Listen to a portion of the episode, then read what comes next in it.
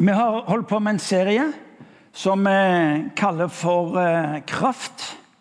Eh, og på et vis så rører vi ved en dimensjon som jeg sa litt om sist gang. Eh, når jeg talte, Men så vi skal gripe litt mer tak i det i, dag òg. Fordi at det som for oss har blitt en sånn høytid, pinse, som egentlig er den glemte eller gjemte eller bortgjemte, et eller annet sånn en høytid i kirka som vi egentlig strever med å ha et forhold til.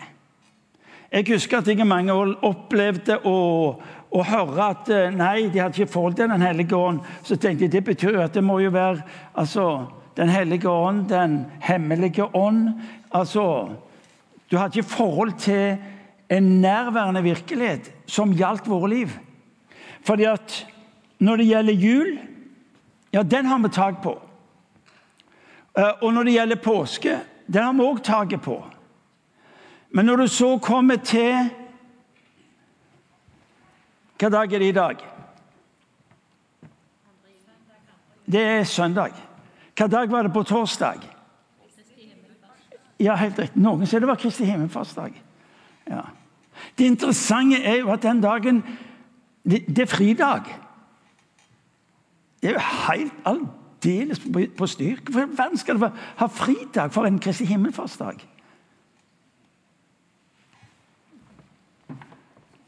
Jul, den skjønner vi. Gud ble menneske, steg ned. Påske har vi et forhold til. Han steg ned og bar vår synd, sto opp igjen. Du og meg har plutselig en fremtid. Men det er et faktum at hvis ikke du og meg hadde hatt en Kristi himmelfartsdag, så hadde det stoppet med påske. Og Det er noe av det du og jeg må få tak i. Fordi at Da hadde det stoppa med et de facto at det var håp. Men mennesket ville ikke få tak i det, fordi at Gud ved sin ånd hadde gjort mennesket delaktig i dette. her. Og Det betyr at når, når Bibelen er opptatt med pinse, så er det ikke fordi at det trenges litt sånn eksotisk tilskudd for at det skal bli litt piff på disse greiene. Men det er rett og slett fundamentalt at du og meg får et forhold til det og blir en del av det Bibelen holder på med når det snakkes om pinse. Så Kristi himmelfartsdag, det var på torsdag. Ti dager etter Kristi himmelfartsdag, hva kommer da? Si pinse, er dere greie? Pinse.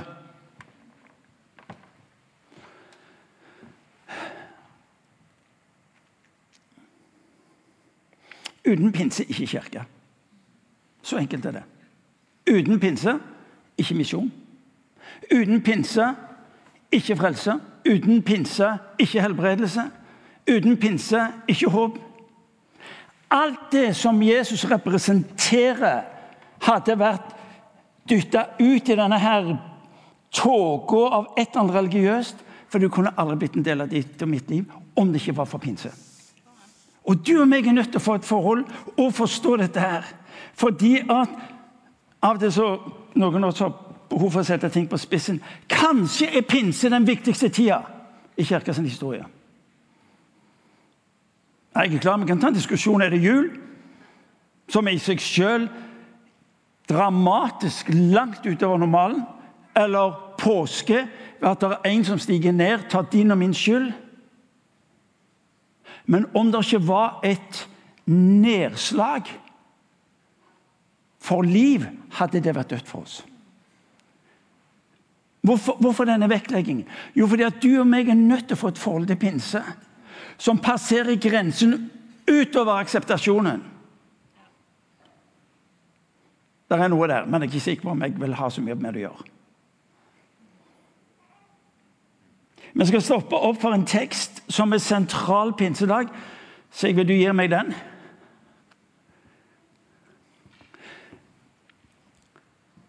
Peter og gjengen har altså fått beskjed om å gjøre én ting. Det er interessant. Dra tilbake til Jerusalem og vent, står der. For dere skal motta. De har gått sammen i tre år. De fornemmer et nedslag av en virkelighet som sprenger alle rammer, alle forestillinger om hva som er mulig. Og når han så sier til dem, gjør dere stand, gå ut og la denne verden erfare at jeg er god, og at jeg er Gud så ber han de dra til Jerusalem og vente. for dere skal motta. Pinse er i sitt vesen å skulle motta før du går ut. Det er en dynamikk i pinse som går på å motta for å gå ut. Motta for å gå ut. Motta for å gå ut. Det er ikke slik du har mottatt én gang, og så har du det du trenger. Det er en dynamikk som du og meg dras inn i, som du og meg er nødt til å få et forhold til. Og så er de samla, og så kjenner dere historien. Dere skal ha en enda mer kraftfullt eh, andre pinsedag, for da blir det nok hovedtema når, når Høyland skal tale. Men mens de er samla, og det oppleves ting som skjer, så sier folket de er på fylla. Eller de sa det, de har drukket for mye. De har drukket dårlig. Det som er interessant i den teksten, som jeg egentlig aldri har fått tak i, det står at de har drukket dårlig vin. Hvor kommer det ifra? Altså, Enten min er dårlige eller god, så var jeg uansett drukket på feil tidspunkt. Nemlig om morgenen. Og så har Peter behov for å rydde opp i dette. Nei, nei, nei. nei, nei. Det, de, de, de, ikke, de, har ikke fått for mye. Og så leser vi det som da er teksten. Og så, nei, men hør nå, sier han. Det som dere nå ser skje, er det som profeten Joel sa for en del hundre år siden. Og så siterer han profeten, og jeg sier i de siste dager skal det skje, sier Gud, at jeg øser ut min ånd over alle mennesker. Deres sønner og døtre skal profetere, og de unge skal se syn, og de gamle skal drømme drømmer. Selv over mine slaver og slavekvinner vil jeg i de dager øse ut min ånd, og de skal tale profetisk. Hør nå. Når, når Peter i den teksten siterer Joel, så er det en tekst som tar oss inn i to, to scenarioer. Det ene er scenarioet der en dommens dag. Det er en dommens dag. Men når den dommen er ekse, ekse, ekse utført Det er ikke alltid du får tunga med deg rundt den der. Når den dommens dag er utført, så lyder det to ting. To ting, og det må du få tak i. Det ene er, eh, som det står i Joel så leser vi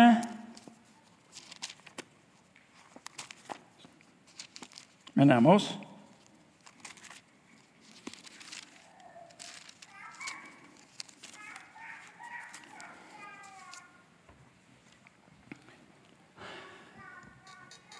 Når dommen er utført, så lyder det til et folk som hadde vært i opprør mot Gud nesten kontinuerlig, så står det Jeg gir dere igjen for årene da den svermende og den hoppende, den gnagende og den tyggende gresshoppen åt min store hær, som jeg sendte mot dere. Jeg skal gi dere igjen. Når Gud gjør opp for din og min synd, så sier han jeg skal gjøre opp for din synd. Ikke bare at han skal tilgi din synd, men det som du mista Når Bibelen her forteller oss om et folk som ved sin ulydighet pådrog seg straff Derfor kom gnagerne, altså gresshoppene. Og så mista folket det de hadde. Og så sier Gud at når jeg har forsona dere med meg, så skal jeg betale tilbake det dere tapte pga. deres ulydighet. Det kalles for nåde. Altfor ofte så lever vi det at ja, livet mitt ble som det ble fordi at jeg var ulydig en gang. Jeg har møtt altfor mange mennesker. Jeg møtte en mann som sa og så seg tilbake sa for 30 år siden jeg var jeg ulydig når Gud kalte meg til å gå inn i noe, og livet mitt har vært miserabelt siden. Hva slags gudsbilde det folk sitter med rundt forbi. Et gudsbilde som det du får som du fortjener. Var du ulydig, falt du i synd, levde du osv., osv. Så, videre, og så, så blir det dette her du får så du fortjener opplegget. Du skal få igjen. Profeten sier til sitt folk at det som du tapte pga. din ulydighet, skal jeg betale tilbake. Og så er det noe ved det der som fascinerer meg. For jeg tror Gud gir fullkomment tilbake. Syv ganger. Syv fullkommenhetens tall. Jeg tror Gud gir tilbake syv ganger av det du mister pga. lydighet, synd, you name it. Hvilken gud er det du tilber?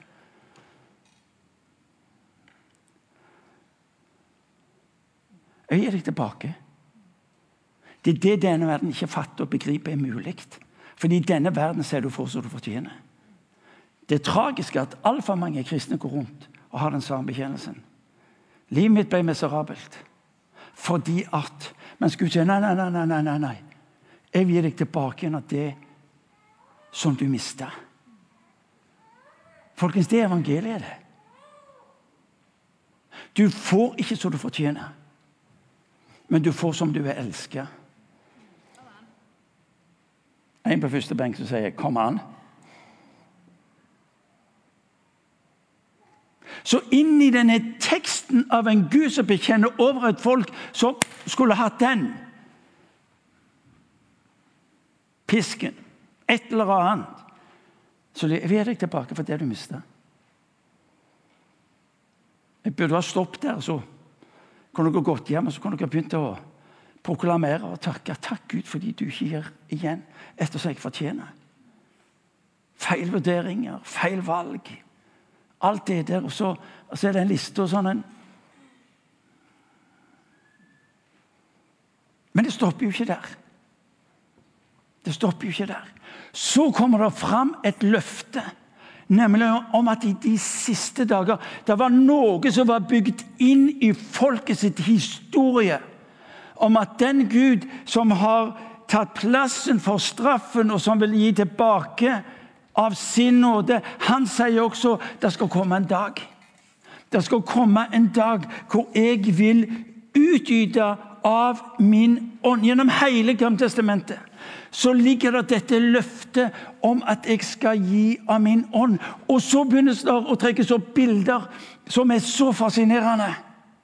Fordi hvorfor var det Folket så fram til det fordi de fikk øye på et liv som var annerledes enn det som de levde i. Før så var ånden forbeholdt de få. Det var forbeholdt en såkalt religiøs elite. Det var kongen, det var presten og det var eh, profeten. Det var de som var forbeholdt Guds ånd. Og så lyder nå plutselig at nå skal alle alle skal få del i den. Hvorfor var det så viktig? Jo, fordi at ånden representerte fellesskapet med allmaktens Gud. Ånden var over noen få som eh, eh, ut ifra folkets liv hadde behov for en forbindelse mellom Gud og mennesket. Og så lyder løftet. Dette som gjaldt de få, det skal gjelde alle. Alle mennesker. Sønner, døtre, unge, gamle, slaver. Ingen holdes utenfor. Når du tar imot Jesus Kristus som din frelser, så mottar du Den hellige ånd. Det som for jødefolk gjennom generasjoner var noe de så fram imot, for du og meg, ved det som Jesus gjorde når han møter dommens dag vi snakker av og til om dommens dag som noe ligger foran, foran oss. Hør nå, Dommens dag, den er, den, den er utført, den. Når Jesus dør på korset, det er virkelig dommens dag. Alt annet er peanuts. For der samler han opp menneskehetens vrede. Ikke bare for de som ble på jorda den dagen Gud snakker om en annen type dom. Den virkelige dommens dag, den sto på Golgata. Og Det må du og meg få tak i. For det er ingen dag som i sitt vesen var så grusom som den dagen. Når Jesus dør på korset for deg og for meg. Og så er det altså noen merkelige konsekvenser, og jeg strever litt med å få tak i det. Jeg strever litt med å få tak i det. For vi skulle jo tro Hør nå. Vi skulle jo tro at når det løftet som ble proklamert gjennom flere hundre år At når det skulle virkeliggjøres, da skulle det bli smell på tingene. Da så jeg for meg fredsrike, overflod, velstand.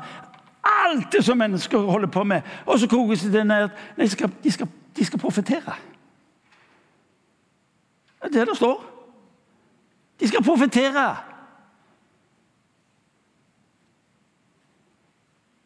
Er helt sant. Noen av dere sitter så rolig nå som lurer på når ramler ned fra den berømte himmelen.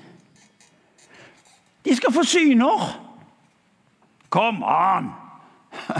Jeg holder på med. De skal få åpenbaringer. Hør nå. Når det dere drømmer om, ser fram imot, Guds ånd kommer ned, og øser utover hånda Og det er ikke sånn et lite glass. Språket illustrerer når jeg øser, det vil si jeg til de grader lar elva flomme over deg. Se syner, åpenbaringer, profetere. Hør nå.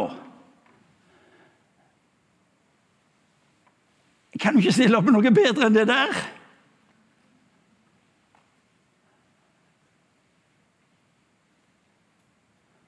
Nei, Du sier det ikke.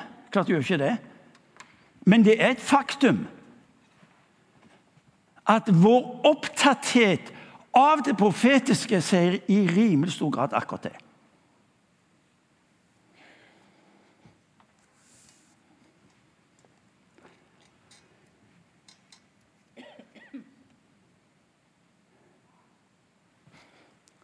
Altså, Hele pinse har altså et profetisk innhold. Ut ifra dette skal denne verden forandres. Men vi kan gjerne kalle det for Kirkens fødselsdag. Men da blir det noe vi holder på med. Men hvis dette er åpenbaring, syner, profeti Ja, det er en luthersk menighet fremdeles. Jeg talte i en pinsevenn og så, en pinsemenighet for en tid tilbake og, og berørte dette som hadde med, med, med det profetiske det, jeg, jeg, jeg, trodde du var lutheraner, men sånn som du snakker, så høres det ut som du er pinsevenn. Hvorfor i all verden skal pinsevennene gå rundt og av historiske grunner ha type eierskap til det profetiske? Folkens, dette må du og meg få tak i. Dette må du og meg få tak i.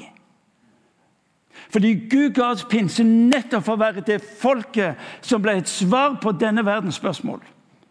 Er det du, Gud, vi skal vente på, eller skal vi vente på en annen? Han lar et folk vente. De antar at eh, Joels bok er skrevet et sted mellom 750, 650, 550, 875. Cirka sånn.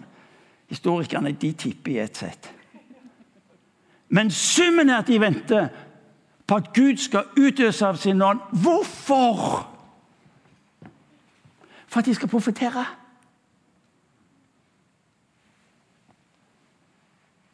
Jeg syns det, det, er helt naturlig. Jeg. Ikke noe mer enn det. Men det kan godt være at du og meg trenger å få justert betydningen av å være et folk som blir del i Guds åpenbaring blir en del av hans syner, blir en del av det profetiske livet han har kalt for sitt folk.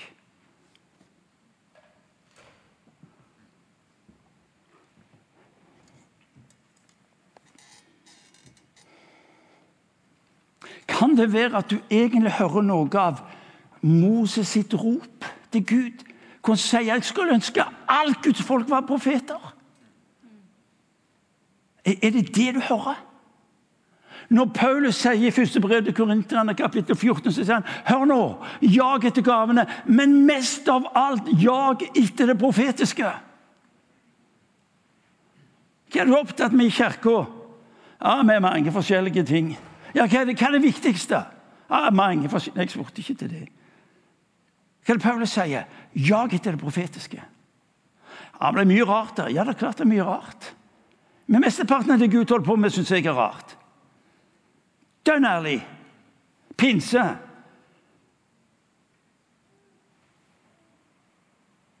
Folk tror jo det er fyllefest. Eller de er litt bakpå dagen etter. Jul. Hvem i all verden forstår mysteriet med en Gud som ved inkarnasjonen tar bolig blant Jeg tror det. Forstår det? Nei. Men det er ikke så farlig. Min forstand den rekker ikke ikke så gysla langt, men jeg tror det. Eller påske.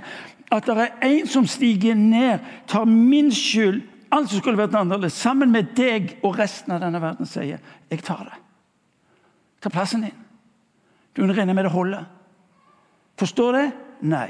Ikke prøv å forstå han som har satt i gang nokså mye, men sørg for å bli en del av det. Sørg for å bli en del av det. Og det er der troen tar deg inn i. Få tak i dette. Moses Jeg skulle ønske alle Guds folk var profeter. Paulus jag etter, jag etter Når han sier jag, så er det ikke sånn ja, ja, Han sier la hele deg ha ett fokus, og det er få tak i dette.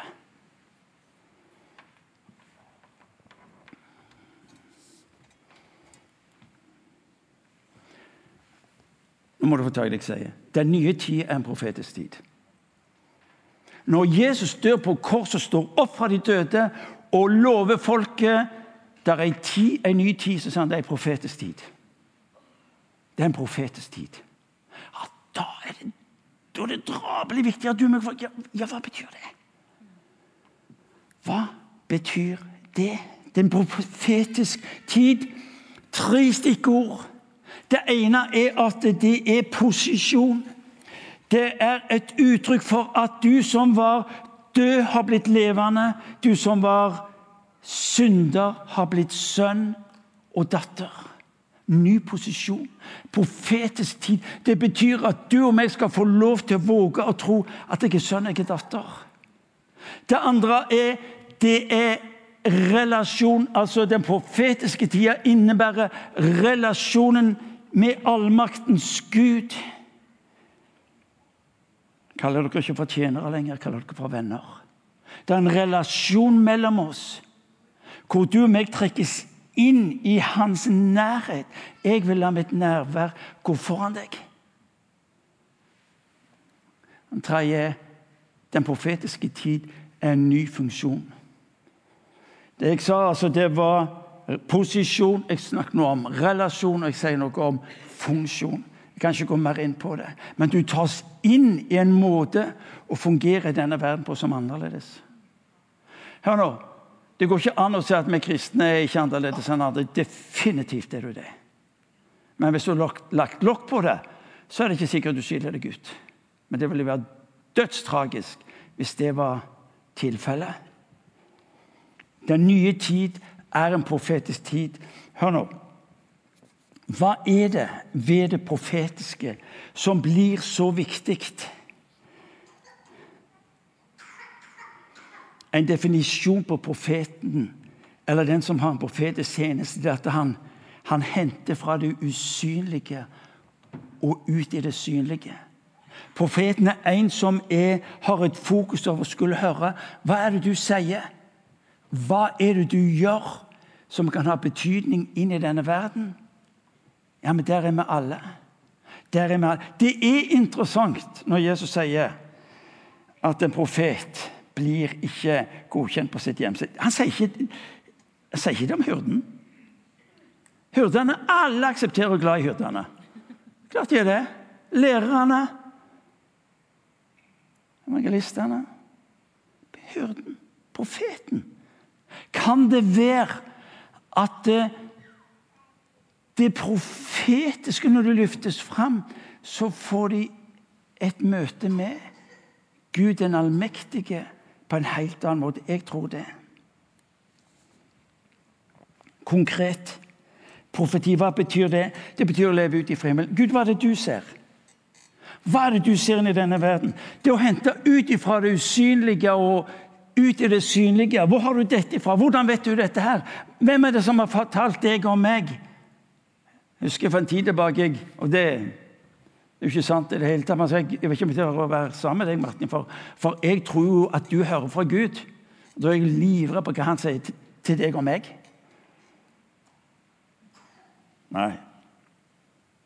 Men det betyr at du og meg vet at mens det i den gamle pakt var forbeholdt noen få som kunne handle ut ifra himmelen, ut ifra Gud, så er dette nå ditt og mitt. Det er alle man sier. Og det betyr at når jeg møter mennesker, møter situasjoner, er en situasjon hvor jeg ikke fikser eller begriper, så vet jeg at Gud har gitt meg tilgang til en profetisk virkelighet. Hvor han sier 'Jeg vet'.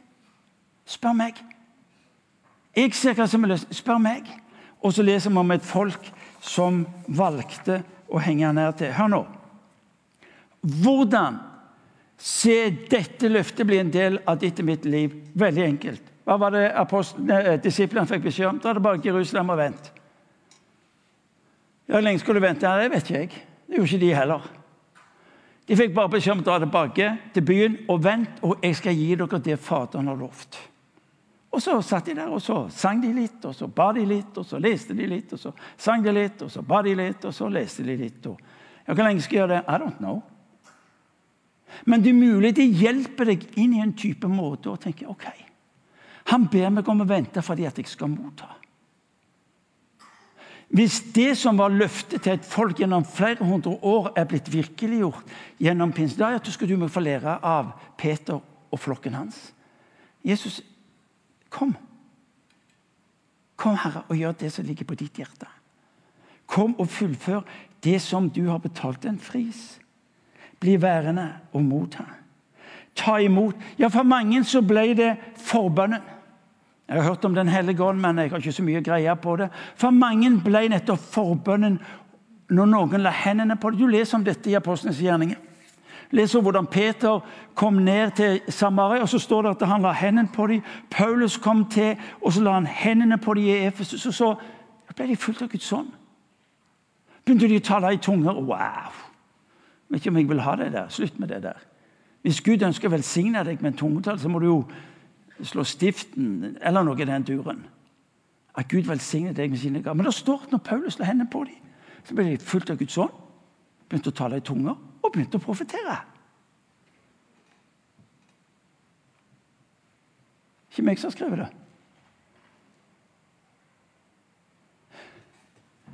Men du får møte med og smaken av et liv som har betydning. Dere tror at jeg bare står her og siterer. Nei, men altså, Apostelens gjerninger Jeg må lese det for dere, slik at dere tror at jeg ikke bare sitter her og siterer på. Men Apostelens gjerninger, kapittel 19 Hør nå. Knall. Knalltøft.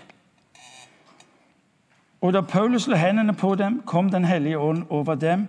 De talte i tunger, og de talte profetisk.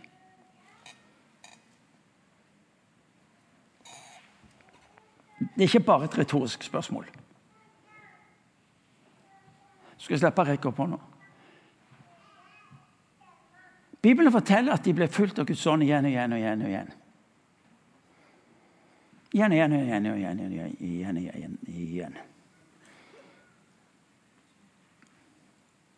Jeg fikk det i dåpen. Noen sier ja, flott.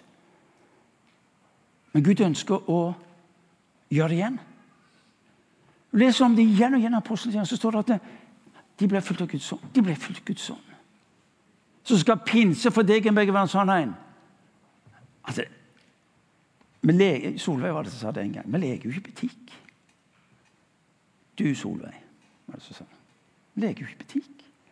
Hvis allmaktens Gud ønsker Ja, men da så, jo, jo, så det betyr at når jeg får anledning til det Jeg gjør det ofte.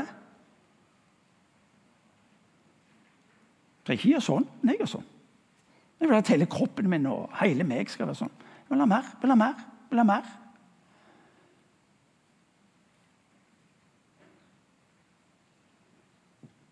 Det var en som sa vet du, at vi, du vet, vi er lekfolk.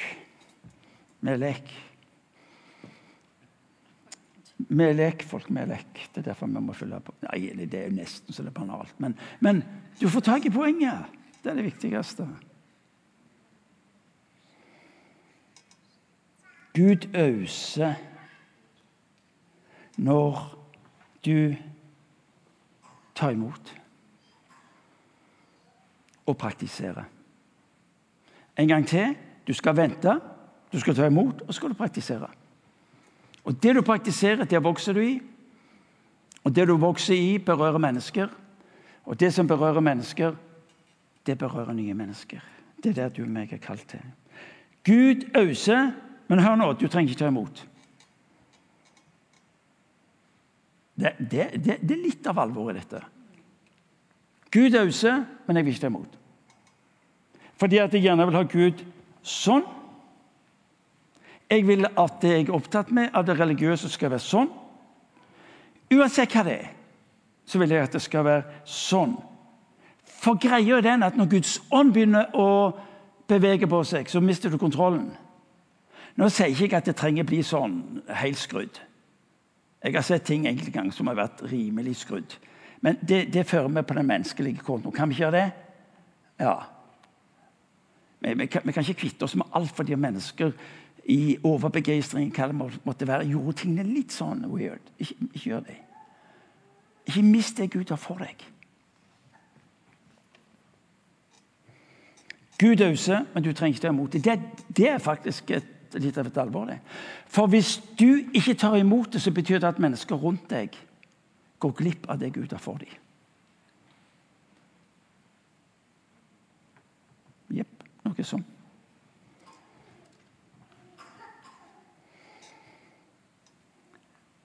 Nå må dere følge godt med. I teksten så snakkes det om unge, snakker om sønner og døtre, snakker om gamle, snakkes om slaver. Vi har føyd på én ting til dermed. Vi snakker om barna. For vi tror at også ungene skal ha en erfaring av Den hellige ånd. Vi har jo tidligere hatt en barnefamiliearbeider, Anne Inghild, og hun var jo konsekvent på alt det som vi gjorde her i huset. Så var alltid hennes spørsmål ja, hva med ungene? Hva med ungene? Hva med ungene? Vi tror ikke at ungene mottar i dåpen eller i den oppdragelsen som dere som foreldre gir barna deres hvis dere venter med dåp, mottar en miniutgave av Den hellige ånd. I Guds rike opererer det ikke med miniutgaver. Enten så mottar du det, eller så mottar du det ikke. Folk sier vi må spare ungene for det som er forbeholdt de voksne. Ja, Det skulle vi ha vendt på ungene våre. Da hadde det ikke vært mye på spill på dataen rundt forbi. Vi er rimelig slepphendte på en hel masse forskjellige ting. Men det er en sånn en merkelig holdning at vi må Ja, hvorfor, hvorfor skal vi ikke ta Ja, så vet vi det òg, at noen har opplevd at dette ble en det sprengte grenser. Men vi kan ikke la misbruk av dette frata ungene våre den gode erfaringen av en Gud som har steget ned, og som ikke opererer med aldersbegrensning. Hører dere det? Vi må ikke gjøre det. Ikke la oss definere av de som i uforstand og med nidkjærhet gikk langt over streken. Du og meg er gitt et privilegium, vi velger å gjøre det her i huset. Så ungene dine, hvis du ikke visste det, de lærer å leve i det profetiske. Ja, sier Eirin. Nå må vi være stille, så skal vi be Gud om å gi oss et bilde. Ikke dårlig. Ja, jeg fikk noe. Ja, nå må vi være stille, sier Irene. Så kanskje Gud vil du skal gå til noen og så gjøre noe som er godt. Det er ikke dårlig. Og så lærer de trygghet at Gud er god. Og at Gud ønsker å velsigne dem, og Gud ønsker å ta dem inn i det som er av ham.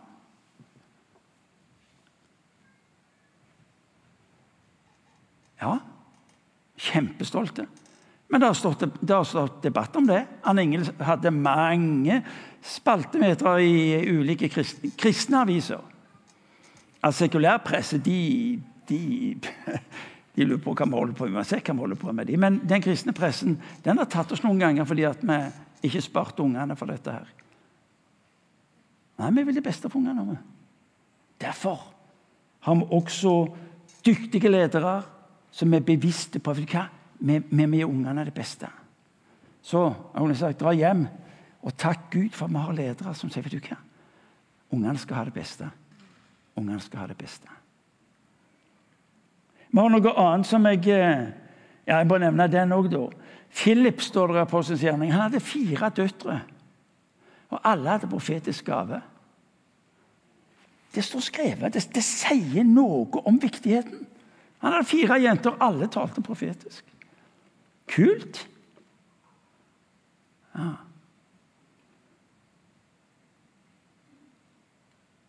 Kanskje du skulle Det er et tips. Kanskje du har lagt ungene i kveld, og de sover. så kan du gå inn og skal, Gud gir de hele pakken. Gud gir de hele pakken. Jeg vet jo hva det er, jeg har ikke peiling, men han er god. Gi de hele pakken.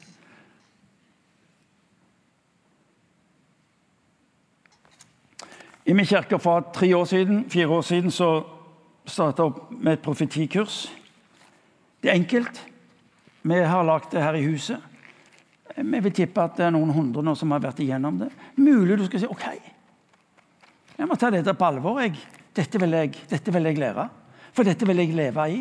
Dette vil jeg leve i på en sånn måte at omgivelsene mine får øye på at Gud, han lever. Det er ikke flere kurs før ferien. Men etter ferien så er du hjertelig velkommen til å delta. Fem kurs. Time, nei, fem ganger én time hver gang. Jeg syns det er kjempebra. Hjelp meg til å være på hogget. Det betyr en forskjell. OK, jeg skal begynne å slutte. Pinse sprenger alle grenser. Det romerske imperiet 300 år senere er historie.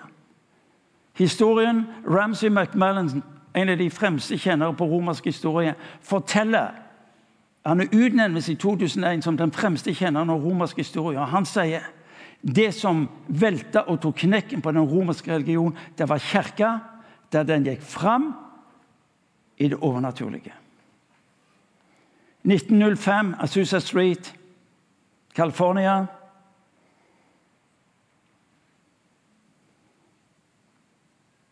Han hadde en brann. Gud, du må gjøre det igjen. Gud, du må gjøre det igjen. Og Guds ånd slår ned. Og i løpet av disse litt over 100 år er nesten 700 millioner mennesker kommet til tro på Jesus. Gjennom den pinsekarismatiske vekkelsen. Og som jeg har sagt før, bare til orientering Vi som går rundt og tror at vi er storebror i dette selskapet. Det er ca. 40 millioner lutheranere på denne kloden. Bare til orientering. Men bevegelsen av en Gud som handla ved sin ånd, og som fullførte det han lovte Joel en gang, hadde denne unike betydning. Og så, omkring århundreskiftet 1800, er det en mann, ung mann, gårdbrukersønnen, som pløyer på jorda forbi tunet i Østfold. Hans Nissen Hauge. For å vandre vårt land. Men han forteller om hvordan Guds ånd slo ned igjen, og hans liv var aldri det samme. Er det forbeholdt de få? Nei. Løftet gjelder Løftet gjelder de unge, sønner, døtre, slaver og slavekvinner. Du inviteres til å motta. Det er summen av det du hørte i formiddag. Fra en Gud som lengter etter å gi deg langt utover det du trodde var mulig. Fordi at han elsker menneskene i denne verden så høyt at han vil ikke at noen av dem skal gå glipp av det han har for dem. Skal vi reise oss, så skal jeg bare be en bønn.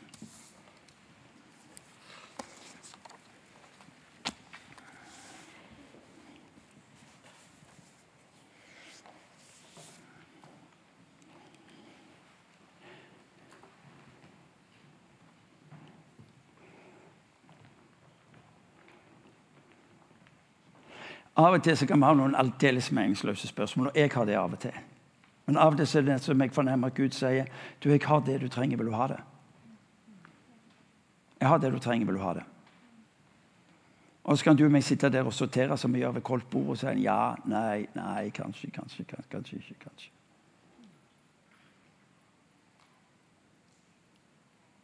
Joel fikk et budskap til sitt folk som fulgte de gjennom generasjoner du og meg har fått erfart det gjennom vår historie når Gud lar sin ånd falle pinsedag. Det var ingen, det var ingen engangsforhendelse. Det er noe han vil gjøre igjen og igjen og igjen og igjen, og igjen i ditt og mitt liv. Men han ber deg om å ta imot. Og ikke gjør dette til en sånn femminutters opplevelse. Jeg prøvde, men det skjedde ingenting. De venta i ti dager. Spørsmålet er ikke tida. Spørsmålet er retningen. Spørsmålet er retningen. Du trenger ikke gjøre som jeg gjør, men det kan være et tips rent pedagogisk. Du kan jo rekke fram hendene så kan du si det kan være uttrykk for Gud. Please. Please. Please. Please. Om du ikke trenger det for din egen del, så tenk på naboene dine. De menneskene som er rundt deg. Så kom Helligånd, vi ber. Kom, Helligånd.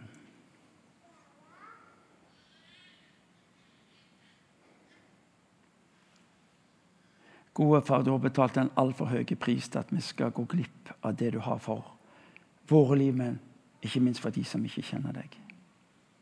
Nå ber vi om at du skal øse, bokstavelig talt. Vi ber om at du i dag og det i dag som ligger foran oss, la oss få lov til å være et folk som venter. Ikke passivt, ikke, eh, men venter aktivt for å ta imot Herre. Far, vi ber om at du skal la disse dagene fram mot pinse være dager hvor du løfter opp, du gjenreiser i våre liv. Du skaper nytt liv og ny tro, nytt håp, Herre. Vi ber om det. Så kom, Helligånd. Fyll oss med din ånd. Gjør det igjen. Det er det vi ber om, Herre. Trengte Peter og gjengen det, så trenger vi det. Og vi ber deg for om å gjøre det igjen. For Vi ber om at du ikke skal handle i henhold til vår forventning. For den er så ymse, men vi ber for om at du skal handle i henhold til din forventning. For Vi ber om at du skal ikke handle i henhold til vår tro, for den er stykkevis og delt, men vi ber far, at du skal handle i henhold til din tro. Far, vi vil tro som deg, med deg, for så å se denne verden berørt Jesus, av ditt rike. Så kom, Helligånd. Vi ber om det.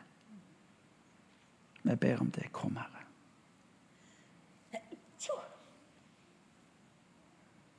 Far, jeg ber om at du skal bokstavelig talt la profetien fra Joel om at du skal gi, uansett hvor vi er i denne geografien, gi oss syner, åpenbaringer, profetier.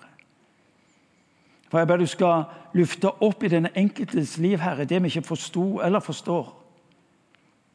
At du, Herre, skal forløse er den enkelte å se og handle Jesus som du ser og handler.